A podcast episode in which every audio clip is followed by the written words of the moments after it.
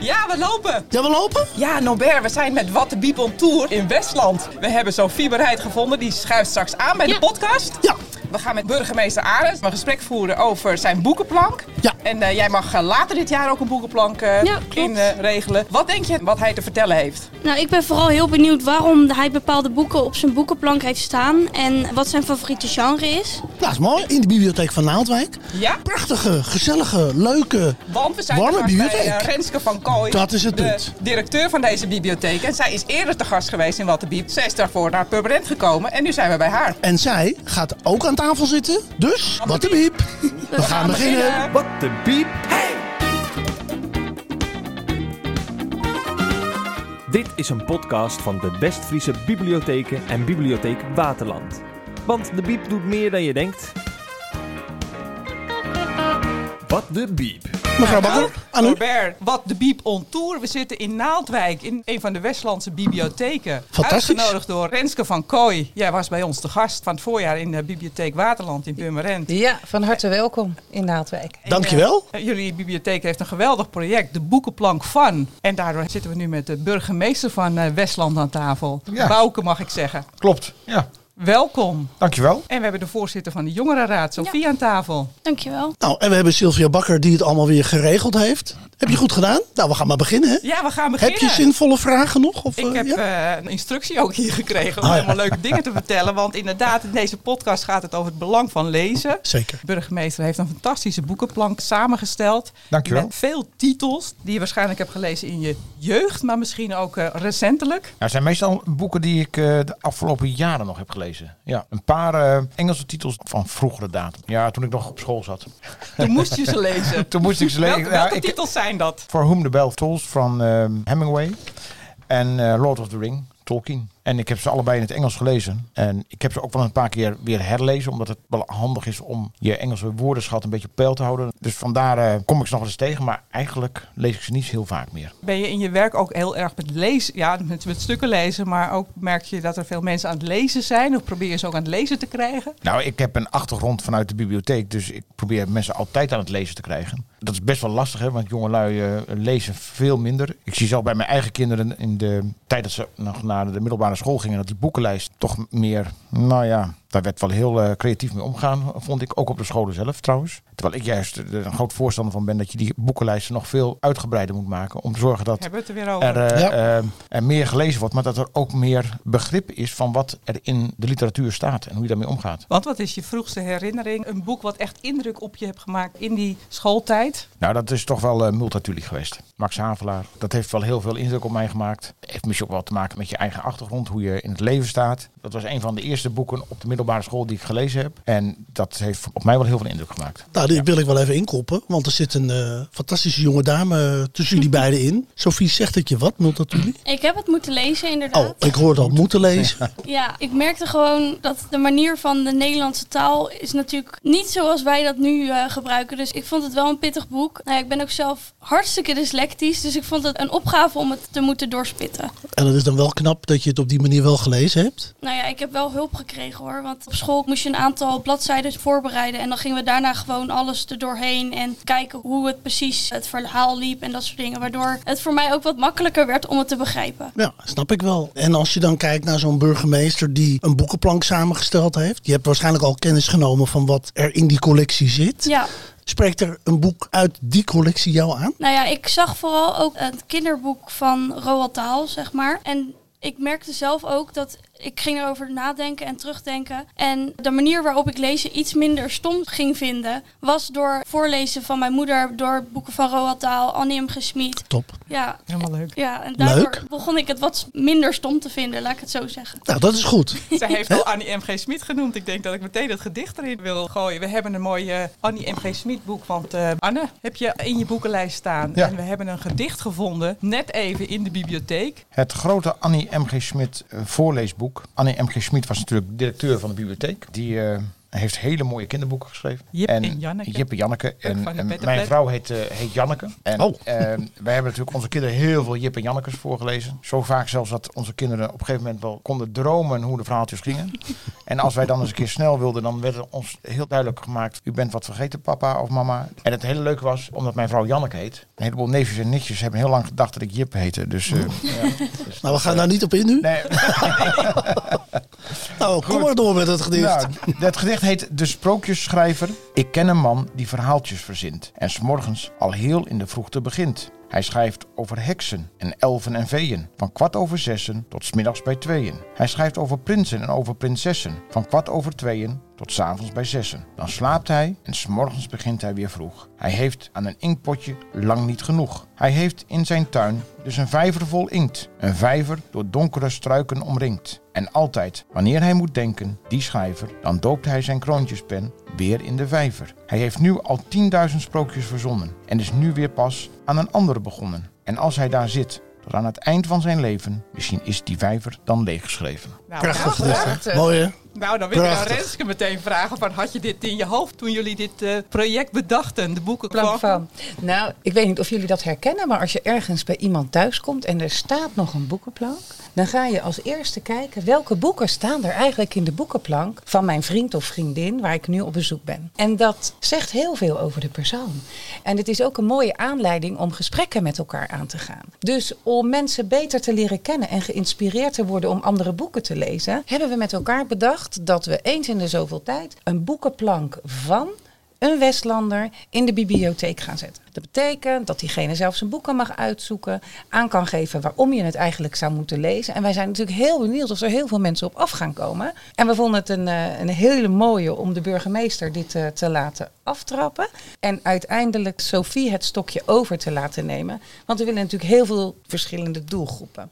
Maar ik wil eigenlijk ook nog even reageren op iets wat Sophie zei. Namelijk voorlezen. Door het voorlezen heeft zij een enorme liefde voor verhalen ontwikkeld. Begrijp ik het goed, Ja, Sophie? klopt. Nou, eh, gisteren hadden wij namelijk hier in de Biep... hadden we alle kinderdagverblijven van het Westland... die samen een convenant hebben ondertekend. Het taalnetwerk Jong in het Westland. En samen zetten ze met de bibliotheek en de gemeente en Stichting Lezen... de schouders onder het brengen van liefde voor lezen bij kinderen. Prachtig. En dat is echt super. Dat doen we met het landelijke boekstartprogramma. En iedereen doet mee, dus iedere dag wordt daarvoor gelezen. We zorgen voor mooie collecties.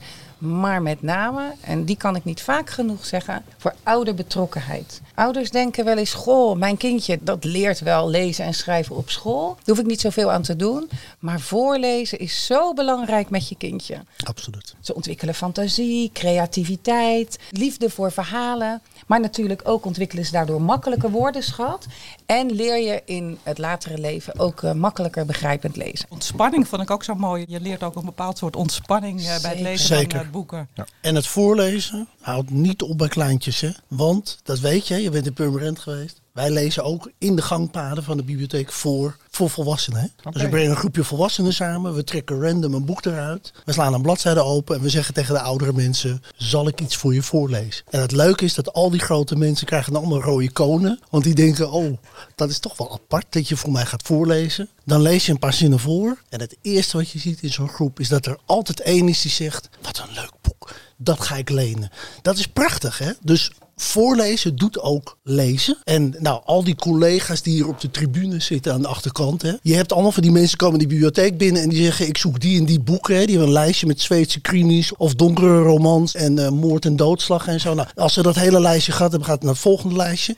Maar soms moet je ook gewoon de bibliotheek binnenkomen zonder lijstje. En als je dan binnenkomt en je laat iemand iets voor je voorlezen. Of je trekt random een boek eruit. Dan blijkt dat die rijkdom van die bibliotheek. Die is vele malen groter dan die lijst met die Zweedse krimis. Want gedichten en ook dit soort gedichten. Durf nou eens als volwassene zo'n kinderboek vast te pakken. En lees dat nou eens. Ik heb een collega die doet educatie bij ons. Ellen Otte. Zij is de teamleider van het educatieteam. Zij zegt altijd tegen mij, Norbert, als ik poëzie lees, dan lees ik het liefst kindergedichten. Want die snap ik tenminste. Nou, dat is ook leuk voor volwassenen. Hè? Dus zo breng je een bredere collectie onder aandacht. Dus jongeren en ouderen zouden ook elkaars Nou ja, je verrijkt elkaar. Hè? Maar even vraag aan Sofie, want tegenwoordig heb je van die luisterboeken. Is dat nou iets waar jij nou Ik vind dat beleeft? heel fijn. Ja. Ja. Ja, ik moet zeggen, je bent toch in het verhaal betrokken. Ondanks dat ik dan zelf niet hoef te lezen. En ik heb wel een liefde voor lezen ontwikkeld met de tijd. Alleen het heeft bij mij wel heel lang geduurd. En als ik gewoon echt ontspannen, ontspannen wil worden, dan zet ik liever een luisterboek aan dan dat ik ga lezen. Oké. Omdat luisteren dan toch wat inspannender is Ja, voor jou. ja, ja, je kan gewoon lezen, dat is gewoon, ondanks dat ik het heel leuk vind, het kost me gewoon moeite. En als ik luister, dan zit je toch in het verhaal, Ja. zonder dat je dan die moeite erin moet stoppen. Nou. Maar dat is, dat is ook logisch, Ja. hè? Dat, dat is goed, hè? Dus het lezen op zich, of dat nou luisterboeken zijn of dat je het zelf leest. Maar het lezen op zich geeft je een gelegenheid om in een andere wereld in te stappen. Hè? En of het nou voorgelezen wordt of dat je het zelf leest. De bedoeling van een boek is dat je ook in het hart en in de ziel van de schrijver mag stappen. En dat je mag begrijpen waardoor dat boek ontstaan is. Dat geeft je een verrijking van je kennis, van je leven. Dus het is goed, juist, als je naar een luisterboek kunt luisteren. Want je hebt uiteindelijk dezelfde inhoud en dezelfde ervaring als iemand die het gewoon zelf kan lezen. Ja. Wat de biep gaat over alles wat je in de bibliotheek niet, zodra je binnenkomt, zou verwachten. Eigenlijk is het voor de bezoeker van de bibliotheek prachtig om eens in het hoofd van de burgemeester te kruipen. En te denken, goh, wat een bijzondere boeken leest die Bouke. Dat is eigenlijk prachtig dat je dat in deze bibliotheek hier in Naaldwijk gewoon mag meemaken als bezoeker. Zeker. En jullie mogen het concept ook overnemen. Dat gaan we ook doen. Ja. Dat gaan we ook doen. We gaan mooie concept zeker overnemen. Mooie logo's Ja. ontwikkeld. Nou, die hebben jullie ook gezien op de gebakjes, denk ik. Oh, die gaan we er even bij halen. Wat leuk. Ja, de boekenplank van. Maar ook niet alleen hè, de boeken van de burgemeester. Want ik denk dat er heel veel mensen zijn die zich daardoor gaan laten inspireren. En eh, je hebt dat al heel mooi verwoord. Maar wat ook belangrijk is, om het jongeren ook wat makkelijker te maken om het juiste boek te vinden. Dus in Bibliotheek Westland hebben we nu ook een speciale hoek met alleen maar boeken voor het lezen van je lijst. Dus je kan binnenkomen, je kan precies lopen naar de boekencarousel en kijken. Het zijn allemaal eh, frontaal, dus dat is lekker makkelijk uitkiezen. Dus daar helpen we leerlingen mee. Nou, ze zijn meestal gelijk leeg, dus die gaan we heel snel weer vullen. En natuurlijk worden jongeren tegenwoordig ook gestimuleerd via TikTok. En daar heb je een speciaal eh, item en dat is BookTok. Nou, dat kennen jullie vast wel Zeker. waar jongeren boeken adviseren waar ze zelf heel erg blij van worden. En op die manier stimuleren ze elkaar om te lezen. En dan vind ik dat we als bibliotheek het ook heel makkelijk moeten maken. En zeggen, joh, als jullie nou komen, dan hebben we ook een speciaal rek met BookTok-boeken. Nou, die staan er dan ook weer een speciale sticker erop, dat het makkelijk herkenbaar is. En daar worden jongeren ook heel erg blij van. Een speciale sticker, die hebben jullie dus ook eh, voor eh, de boekenplank van ontwikkeld. Ja, Had je het al gezien? ik had het gezien. Ja. Leuk. Dus eh, jullie voeren het echt eh, concept helemaal door overal eh, in de communicatie. Echt heel Zeker. erg leuk. Ja, we hebben een standaard een mooie poster gemaakt. En dan wordt iedere keer ingevuld wiens boekenplank het is. En nou ben ik benieuwd, wat is jouw favoriete boek van deze boekenplank? Ja, nou ik vind de Bourgondiërs van Bart van Loo vind ik wel heel erg mooi. Waar hebben we die? Daar is Ja, ook zeker. een podcast van, volgens mij. Daar is ook een podcast van. De Bourgondiërs, dat, eigenlijk zijn dat de voorlopers van Willem van Oranje. Want die waren eh, de machtige heersers eh, in de lage landen. In een hele korte tijd hebben ze het hele Rijk heel snel eh, geëxpandeerd. En Holland, Zeeland, Brabant, Gelderland, eh, Limburg. Maar ook de zuidelijke Nederlanden waren allemaal onderdeel van het eh, Rijk van de Bourgondiërs. En het is wel mooi om te zien dat Vlaanderen eh, in, de, in de 15e, 16e eeuw eigenlijk het machtigste deel van Europa was. En eh, het welvarendste deel. Mag en, ik eh, he- heel even onderbreken? Ik hoop dat eh, de kijker het kan zien, want eh, nou ja, Vlaanderen en Norbert, jullie ik, horen ik het heb al. begrepen dat, eh dat Norbert eh, uit het voormalig Nederland komt. dus, eh, Het oorspronkelijk Vlaanderen, zeggen we dan. Hè? Dit is Maar Noord geval, eh, We zitten nu in Noord-Vlaanderen, hè? dat weten jullie wel. ja. Nou, wat gaan we door? maar in ieder geval, het is een heel mooi boek om een beetje inzicht te krijgen in Zeker. hoe de ontwikkelingen in Europa in die tijd gingen. En het geeft ook een beetje een beeld van eh, hoe de ontwikkelingen zijn doorgegaan in Europa, maar zeker ook in Nederland. Het doet ook even weer beseffen dat als je nou denkt dat wij nou heel erg belangrijk waren, dat was misschien wel zo in de eeuwen daarna, maar tot 1500 was Nederland niet een zeer betekenisvol landje, maar was met name Vlaanderen het vliedend middelpunt van Europa. Met heel veel pracht en praal. En dat is wel mooi om dat te zien. eh.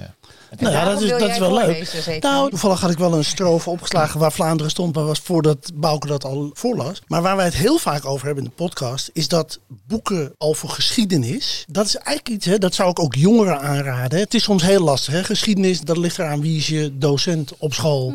En hoe spannend is het? Want als dat zo snel uitgaat als een lucifersdoosje in de eerste strijk, weet je, daar heb je niks aan. Want als kind wil je spanning, je wil iets leuks, je wil wat beleven. Ik heb als klein kind op school altijd een geschiedenisleraar gehad die geweldige verhalen konden vertellen. Mijn eerste boek, dat heb ik wel vaker in deze podcast verteld, als kind, mijn eerste echte boek was De Leeuw van Vlaanderen. Nou, ik hoef niet veel uit te leggen, maar daar ontstond dus het Vlaamse bloed bij mij binnenin. Maar als kind geschiedenisboeken lezen, begrijpen waar je vandaan komt, weten hoe de oorsprong is van wat je vandaag allemaal mag hebben, dat is het mooiste wat er is. Ja. Want geschiedenis is de hele basis. Als je een straat inloopt, de naam van een plein, de naam van een park, de naam van een gebouw. Er zijn heel veel mensen die lopen door een stad en hebben geen flauw idee dat ze midden tussen prachtige ervaringen en geschiedenis lopen. Nou, dat adviseer ik jongeren echt wel, om daar gewoon je in te verdiepen. En dan zijn dit soort boeken misschien soms zwaar en heel veel, maar de pracht van wat hierin staat, dat maakt dat jij als jongere vandaag in dit land zo mag leven als dat je mag leven. Nou, Ja, dat is ik- prachtig. Ik heb zelf ook een voorkeur voor boeken met een bepaalde ja, terugblik naar de historie. Bijvoorbeeld, ik heb hier het boek Kader Abdollah, Het Huis van de Moskee. Het Ja. geeft heel mooi aan hoe de ontwikkelingen Zeker. in Perzië waren. Maar ook hoe eigenlijk een tolerant land overwoekerd wordt door intolerantie. Ik zou zeggen van, laat een heleboel mensen dit boek lezen. Het geeft een heel ander beeld van de islam dan dat we soms met elkaar hebben. En dat zie je ook in het boek van eh Ghalid Hosseini, de vliegeraad, over de ontwikkeling in Afghanistan. Afghanistan. Ja. En ja, een heel seculier land, wat dan ten onder gaat door de inval van eh, de communisten eh, vanuit Rusland. En dat land glijdt helemaal af naar verschrikkingen, Nou, extremisme. extremisme. Ja. En dat laat ook een beetje zien dat kolonialisme in de moderne tijd net zo verwoestend is als in de verleden tijd. Want waarom is de Sovjet-Unie destijds Afghanistan binnengevallen? Gewoon om een machtsbolwerk Precies. te organiseren daar. En je ziet dus ook dat ze daar echt een verwoestende indruk heeft achtergelaten op dat land. En ze zijn er weer weggegaan. Het is rechteloos geworden. Het is redeloos als het ware ook geworden. En dat zien natuurlijk ook wel, Amerikanen hebben dat gedaan in Vietnam. Nou, wij hebben natuurlijk ook wel onze eigen koloniale historie. En ik vind het juist veel interessanter in deze tijd om te praten over wat kunnen wij leren uit de lessen van het kolonialisme dan te moeten terugblikken op een koloniaal verleden waar we toch niks meer aan kunnen veranderen. En het is goed om ons bewust te zijn van de dingen daar fout zijn gegaan. Maar ik heb wel wat moeite af en toe met het- al die discussie over het verleden. Wat hadden we toen beter niet kunnen doen? Het gaat volgens mij veel meer om van wat zien we nu nog heden te dagen? En nieuwerwets kolonialisme. En hoe kunnen we daarvan de lessen vanuit het verleden trekken? En dan kom je direct op het fenomeen weten waar je het over hebt. Als je met elkaar dat gesprek aangaat. En dat merk ik wel, dat de kennis die je nodig hebt om de discussie te voeren. de bibliotheek is de plek van ontmoeting en debat. Maar als je een debat wil voeren, dan moet je een stukje kennis en een stuk informatie hebben. En dat is weer door dit soort boeken. Dus de bibliotheek is ook een plek waar je jezelf kunt oriënteren. Om je te verdiepen in hoe was het nou in het verleden. Nou, daar En heb ik wel dat een. is belangrijk. Ja, zeker. En het mag natuurlijk ook dichter bij huis. Want ik vond het ook mooi dat je een boek van Anniette had eh, Ja. meegenomen. Over Annie M.G. Smit. Maar Anniette heeft natuurlijk ook een heel mooi boek geschreven. Wat gebaseerd is op de geschiedenis in Monster. Ja. Fortuna's kinderen. En wat ik er zo mooi aan vind, is dat een heleboel mensen in Monster, van de erfgoedvereniging, die hebben zichzelf verdiept in die geschiedenis. En haar een heleboel documenten aangereikt. Hoe dat in het verleden is gegaan. Die hebben in de archieven in Monster gezocht. Er ligt in Monster ook een graf van de familie Herkeraat. Daar gaat het boek ook over. Dus het is ook heel mooi om te lezen. Boeken dichtbij. En dat brengt het ook dichtbij. Hè? Want als je het hebt over kolonialisme, dan komt dat er natuurlijk ook in voor. En dat vond ik zo mooi in dat boek. Dat je echt door Monster kan lopen en die geschiedenis dan ook kan meebeleven. En dat zegt ook iets van waar we nu staan. Nou, ik, eh, ik zag eh, Sophie ook eh, knikken met de geschiedenis en de enthousiasme van Norbert. En eh, Ja, ook over Dobdat. Wat heb jij met geschiedenis en boeken over geschiedenis? Nou ja, wat voor boeken ik heel leuk vind zijn historische romans. En ik heb ook een tijdje overwogen om geschiedenis te gaan doen, omdat ik historische romans zo leuk vond om te lezen. Goed. Ja, uiteindelijk niet voor gekozen, maar het was wel echt ja, een reëel plan. En ja, ik moet ook zeggen, als ik echt in een boek word meegetrokken, dan is dat veelal een historische roman. Weet Mooi. je een titel? Tropenbruid vond ik een heel mooi boek. Rode sneeuw in december. En ik ben nu bezig met het boek Julia. En dat gaat over de keizertijd en de dochter van Augustus. Dus ja, Super leuk om te Ja. horen, ja. Heel erg leuk. Ja, we hebben al vaker over historische romans. Hè? Want juist voor een jonge generatie maakt het ook het stuk geschiedenis toegankelijker. Omdat de geromantiseerde beschrijving, het verhaal, is een aantrekkelijk verhaal. Ja. En de geschiedenisfeiten die in zo'n historische roman gebruikt worden, zijn vaak echt wel de geschiedenisfeiten. Dus het is ook wel leuk om op die manier geschiedenis te leren. Nou ja, en jouw boekenplan komt na de zomer. Ja. Dus, eh, We kijken daar naar uit, Daar hè? kijken we naar uit. Dat is al een tipje van de sluier wat, daar, Ja. eh, wat er Zeker, ongeveer in zal staan. Waar ik ook wel een heel leuk boek heb gevonden is eh Roald Dahl. Natuurlijk. Dat Met noemde me alle verhalen. even. En we hadden het net even over jonge kinderen en voorlezen. Ik vind het heel erg belangrijk dat al op hele jonge leeftijd kinderen worden voorgelezen. Want het voorlezen verrijkt de woordenschat. Het leert kinderen woorden eh, te onthouden. Maar wat veel belangrijker is, misschien niet veel belangrijk, maar net zo belangrijk. Kinderen gaan mee in de fantasie van het kinderverhaal. En ze leren zich ontwikkelen. Ze gaan zelf een Ik eigen denk wereld meteen aan de grote vriendelijke reus en Mathilda. Nou, precies. Dat Zeker. soort dingen. Dus, of nou Roald Dahl is of Jippe Janneke of weet ik allemaal niet wat. Maar het is ontzettend belangrijk dat kinderen fantaseren. Eh, eh, Precies. Op die leeftijd. En dat is eigenlijk ook wel het belang van de bibliotheek. Ik ben ook ontzettend blij dat alle kinderen van 8 tot 18 jaar, alle jongeren tot 18 jaar, gratis lid eh, zijn eh, van de bibliotheek. Tuurlijk. Dat is ontzettend belangrijk. Het zou heel mooi zijn dat de jongeren van 12 tot 18 nog veel vaker in de bibliotheek komen. Maar eh, ja, doen eh, de bibliotheeksector alles aan om dat te doen. Alleen ja, de jongeren zijn eh, wat minder van de literatuur. Maar het is wel heel mooi, ik zie dat zelf ook wel, dat heel veel jonge kinderen tot 12 jaar via school heel veel in de bibliotheek komen. En ook al nemen ze 10 boeken mee en lezen ze maar één, is niet zo interessant als ze maar lezen. Als ze maar lezen. En als ze hun woordenschat maar vergroten en hun fantasie de vrije loop laten gaan. Ontzettend belangrijk. Nou, dan was ik laatst was ik, ehm, op een school. Want inmiddels hebben we 26 scholen in het Westland. Die hebben DEBOS, bibliotheek op school. En ik vroeg aan de kinderen, goh, wie vindt lezen leuk? Nou, ongeveer de helft de hand Hoe op, oud? groep 7. Basisschool. Ja, Zeker. PO. En nou, wie vindt lezen niet leuk? Nou, er waren natuurlijk die het ook niet leuk vonden. En toen begonnen we bij de kinderen die het wel leuk vonden. En ik vind het zo mooi wat jij ook zegt. Er waren kinderen die zeiden, ja, ik vind het zo leuk, want het is altijd zo spannend. En één jongetje zei, ik vind het zo mooi, want als ik dan begin te lezen, ga ik fantaseren hoe het zou kunnen aflopen. Nou, die vond ik heel mooi. En ik vond ook mooi, een meisje zei, een boek troost mij. En toen zei de juf later tegen me dat haar ouders onlangs gescheiden waren. En daar zijn natuurlijk ook mooie boeken over. Kinderen kunnen zich ook heel erg mooi identificeren in een boek. En dat geeft troost. En het geeft dus troost. En daarna, nou, toen hadden we dus gehoord waarom kinderen het leuk vonden om te lezen. Wie vond het ook alweer niet leuk om te lezen? Nou, toen was er nog één die zijn vinger durfde op te steken. Een jongetje vooraan. Ik zeg maar, wat vind jij leuk? Toen zei hij buiten spelen. Ik zeg, wat doe je dan? Nou, voetballen. Ik zeg, wist jij dat er ook boekjes zijn over jongetjes die net zo oud zijn als jij en die dan bijvoorbeeld beroemde voetballer worden?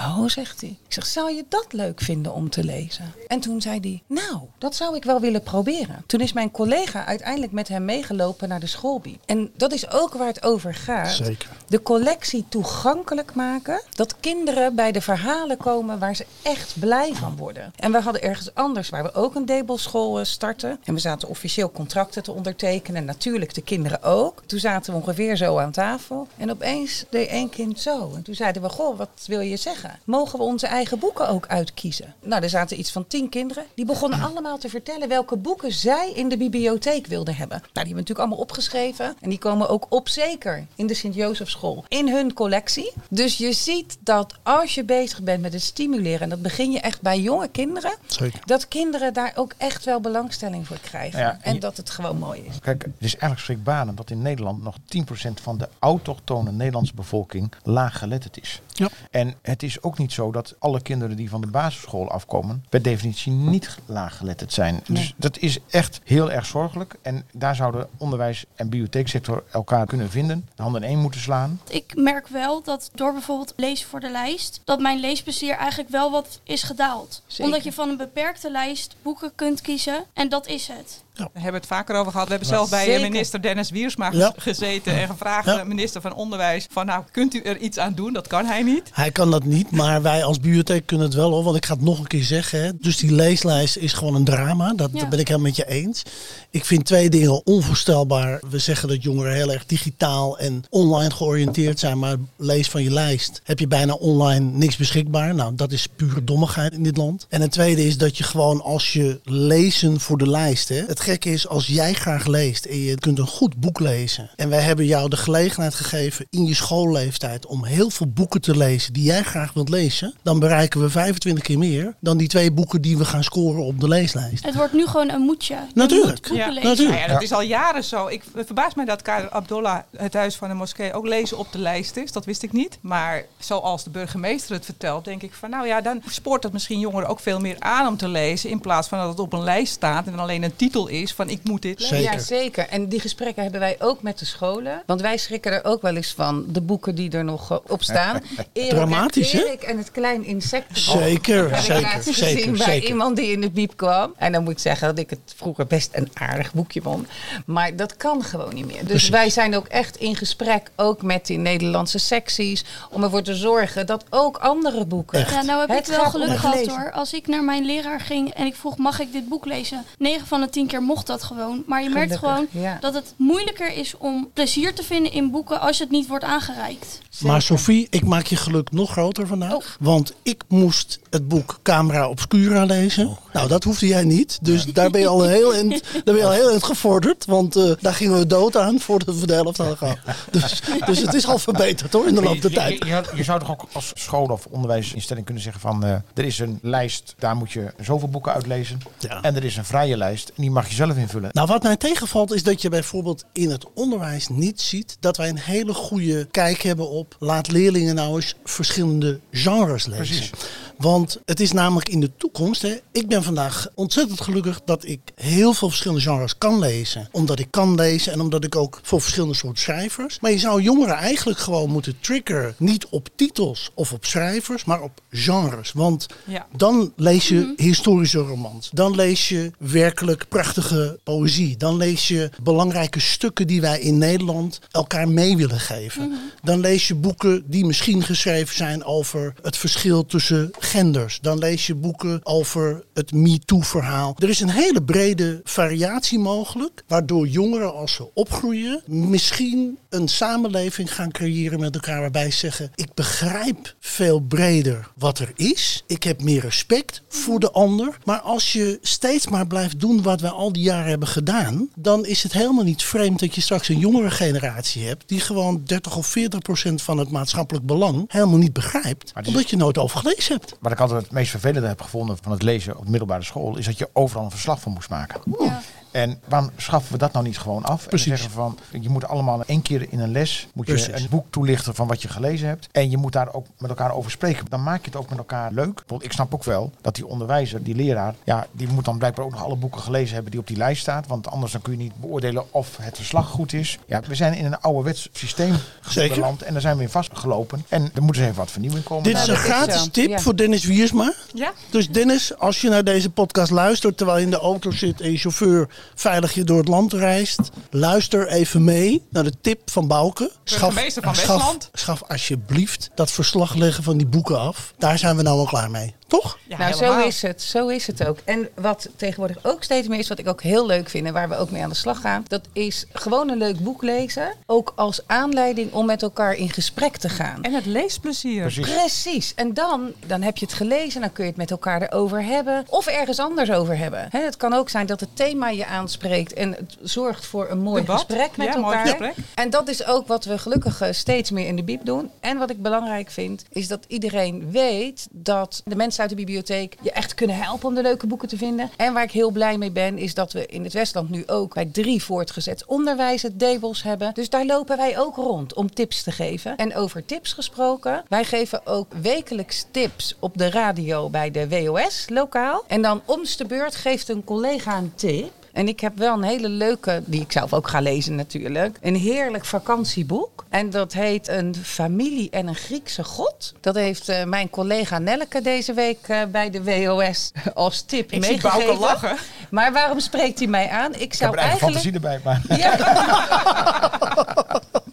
nou, ik zou eigenlijk vanmiddag op het vliegtuig stappen naar eh, Kreta. En dit gaat ook over Kreta. Maar eigenlijk, Dus, eh, je gaat niet. Ik ga niet. Helaas gaat het niet door. Komt in een andere podcast. Maar de maar dit boek, de boekentip van Ronald Giphart. Lekker voor op vakantie, neem hem mee. Is het een dik boek? Nee, natuurlijk niet. Het is een lekker Dan moet je er ook nog een paar bij meenemen. Ja. hè, Want anders Zeker. zit je er maar. En Ja. ja, heb Ik heb een heel mooi boek liggen. Ja, ik heb een leuk boek voor Bouke meegenomen. En waarom eh, dit boek? Omdat dit allemaal wel boeken zijn, toch wel die een tijdje geleden heb gelezen. En het zijn ook vaak dikke boeken. En als burgemeester heb je natuurlijk heel weinig tijd om te lezen. Dat snap ik. Dus ik heb een ontzettend leuk boekje meegenomen. Met 313 verhalen over de eekhoorns en andere dieren van toontelligen. ja. En dit boekje wordt heel vaak Boekje. En voor de kijker, het is volgens mij eh, 5 centimeter dik. Dus in het kader van dikke boeken, maar wel weinig 313 tijd hebben? verhalen. Ja, een boekje om verhalen aan elkaar voor te lezen. Bijvoorbeeld als jij en Janneke in bed liggen en je bent nog eh, wakker, dat je zegt: Ik ga voor jou een verhaaltje voorlezen. We hebben net gehoord hoe leuk het is om voor elkaar voor te lezen. En dit wil ik je graag geven: dat je iedere dag toch weer een leuke inspiratie. Het zijn inspirerende verhaaltjes, het zijn lollige verhaaltjes, verhaaltjes voor het slapen gaan. Dankjewel. Alsjeblieft, voor jou heel veel plezier. Nou, Sophie, als volwassenen voor het slapen gaan elkaar voorlezen, Ja, zit je al op een bepaalde leeftijd hoor. Nou, we gaan weer door. Dit is echt een leuk boekje. Ja, nee, daar heb ik het niet over. Het gaat over heel wat anders. Nou, we gaan, we gaan verder. Eén familie en een Griekse god, eh, zullen we maar zeggen. Nou, Renske, je hebt het steeds over een boekje. Ik vind het gewoon een dik boek.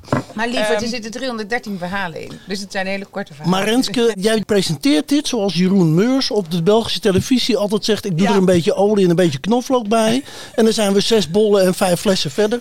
Dit is helemaal geen klein boekje. Het is gewoon een wereldsdik boek. Ja, het is een fantastisch Maar met allemaal boek. leuke verhaaltjes. Het is een Nou, topboek. ik hoor heel graag terug van Bouke wat hij ervan vindt. Dus een recensie hoop ik eh, toch ergens in de komende maand of na de zomer te krijgen. Maar kan Bouke niet even een stukje voorlezen? Oh, Oké. Nou, ik heb hier een leuk, ik sla hier net wat open. Springen, zei de slak, ligt mij niet. Nee, zei de schildpad, mij ook niet. Ik hou meer van wonen. Ik ook, zei de slak. Ik krijg nooit genoeg van wonen. Nou, Nou, dat vond ik heerlijk verhaal. Jongens, lekker. Het, het wordt wat deze podcast. wilde iedereen lezen. Toontelligen, misschien wisten zij alles. Ik wil eigenlijk van de burgemeester nog heel even zijn bibliotheekervaring eh, horen toen hij nog een kleine bouke was. Nou, ik ben als kleine Bouke heel veel in de bibliotheek geweest. Ik heb heel veel gelezen. Ik was echt eh, altijd met boeken eh, bezig. Ik speelde ook veel buiten hoor, maar ik was ook altijd aan het lezen. Ik lag altijd voor de kachel eh, te lezen en dan eh, was ik ook onbereikbaar voor mijn ouders. Dus eh, ik heb heel veel gelezen. De wijkbibliotheek was er toen nog. Daar ging ik elke woensdag ging ik daar naartoe. Het heeft waarschijnlijk ook gemaakt dat ik later in de bibliotheeksector aan het werk ben gegaan. Mijn vrouw werkt in de bibliotheek. Het belang van de bibliotheek is mij meer dan duidelijk en helder. En ik hoop dat het instituut bibliotheek, wat natuurlijk ook gewoon verandert in de loop der jaren, maar dat het nog lange tijd eh, mag blijven bestaan. En ik hoop ook dat het instituut bibliotheek heel fijnmazig in gemeenten en in het land aanwezig zal blijven zijn. Want het is ontzettend belangrijk dat het op korte afstand van mensen eh, Zeker. te bereiken is. Nog één dingetje voor Sophie. Die burgemeester had het over kachel. Ja, Dat was voor de cv en de vloerverwarming. dat je een idee hebt waar we het over hebben.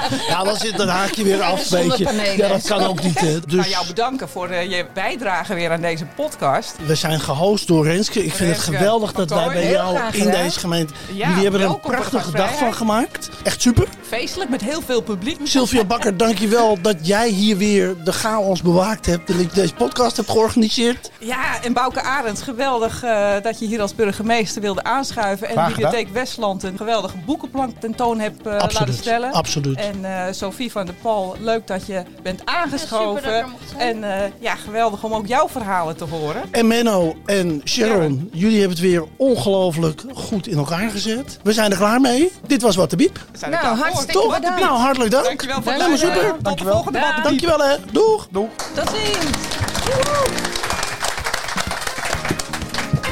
Lekker jongens. Hartstikke Het ging leuk. hartstikke goed. Lekker. Sophie, wat vond je ervan? Nou, ik vond het hartstikke leuk. Ik heb het echt naar mijn zin gehad. En ik heb ook ontzettend veel geleerd. Ook hoe de burgemeester zijn leesplezier heeft ervaren. Dus dat vond ik heel leuk om te horen. Ik ben heel blij dat Sophie ook nog iets verteld heeft over hoe zij met boeken omgaat. En hoe moeilijk het was in het begin om te lezen. Maar hoe fijn het is als je ook luisterboeken hebt en voorlezen. Nou, en ook geweldig dat jij een boek hebt gelezen wat de burgemeester op zijn boekenplank heeft Ja, eh, klopt. liggen met multatuli. Ja. Nou, we hebben denk ik een prachtige podcast gehad. We waren ongelooflijk goed en warm ontvangen door Renske. We hebben ook begrepen wat Renske bedoelt als het heeft over een klein boekje. Dan kun je het gewoon niet meer in je achterbak krijgen.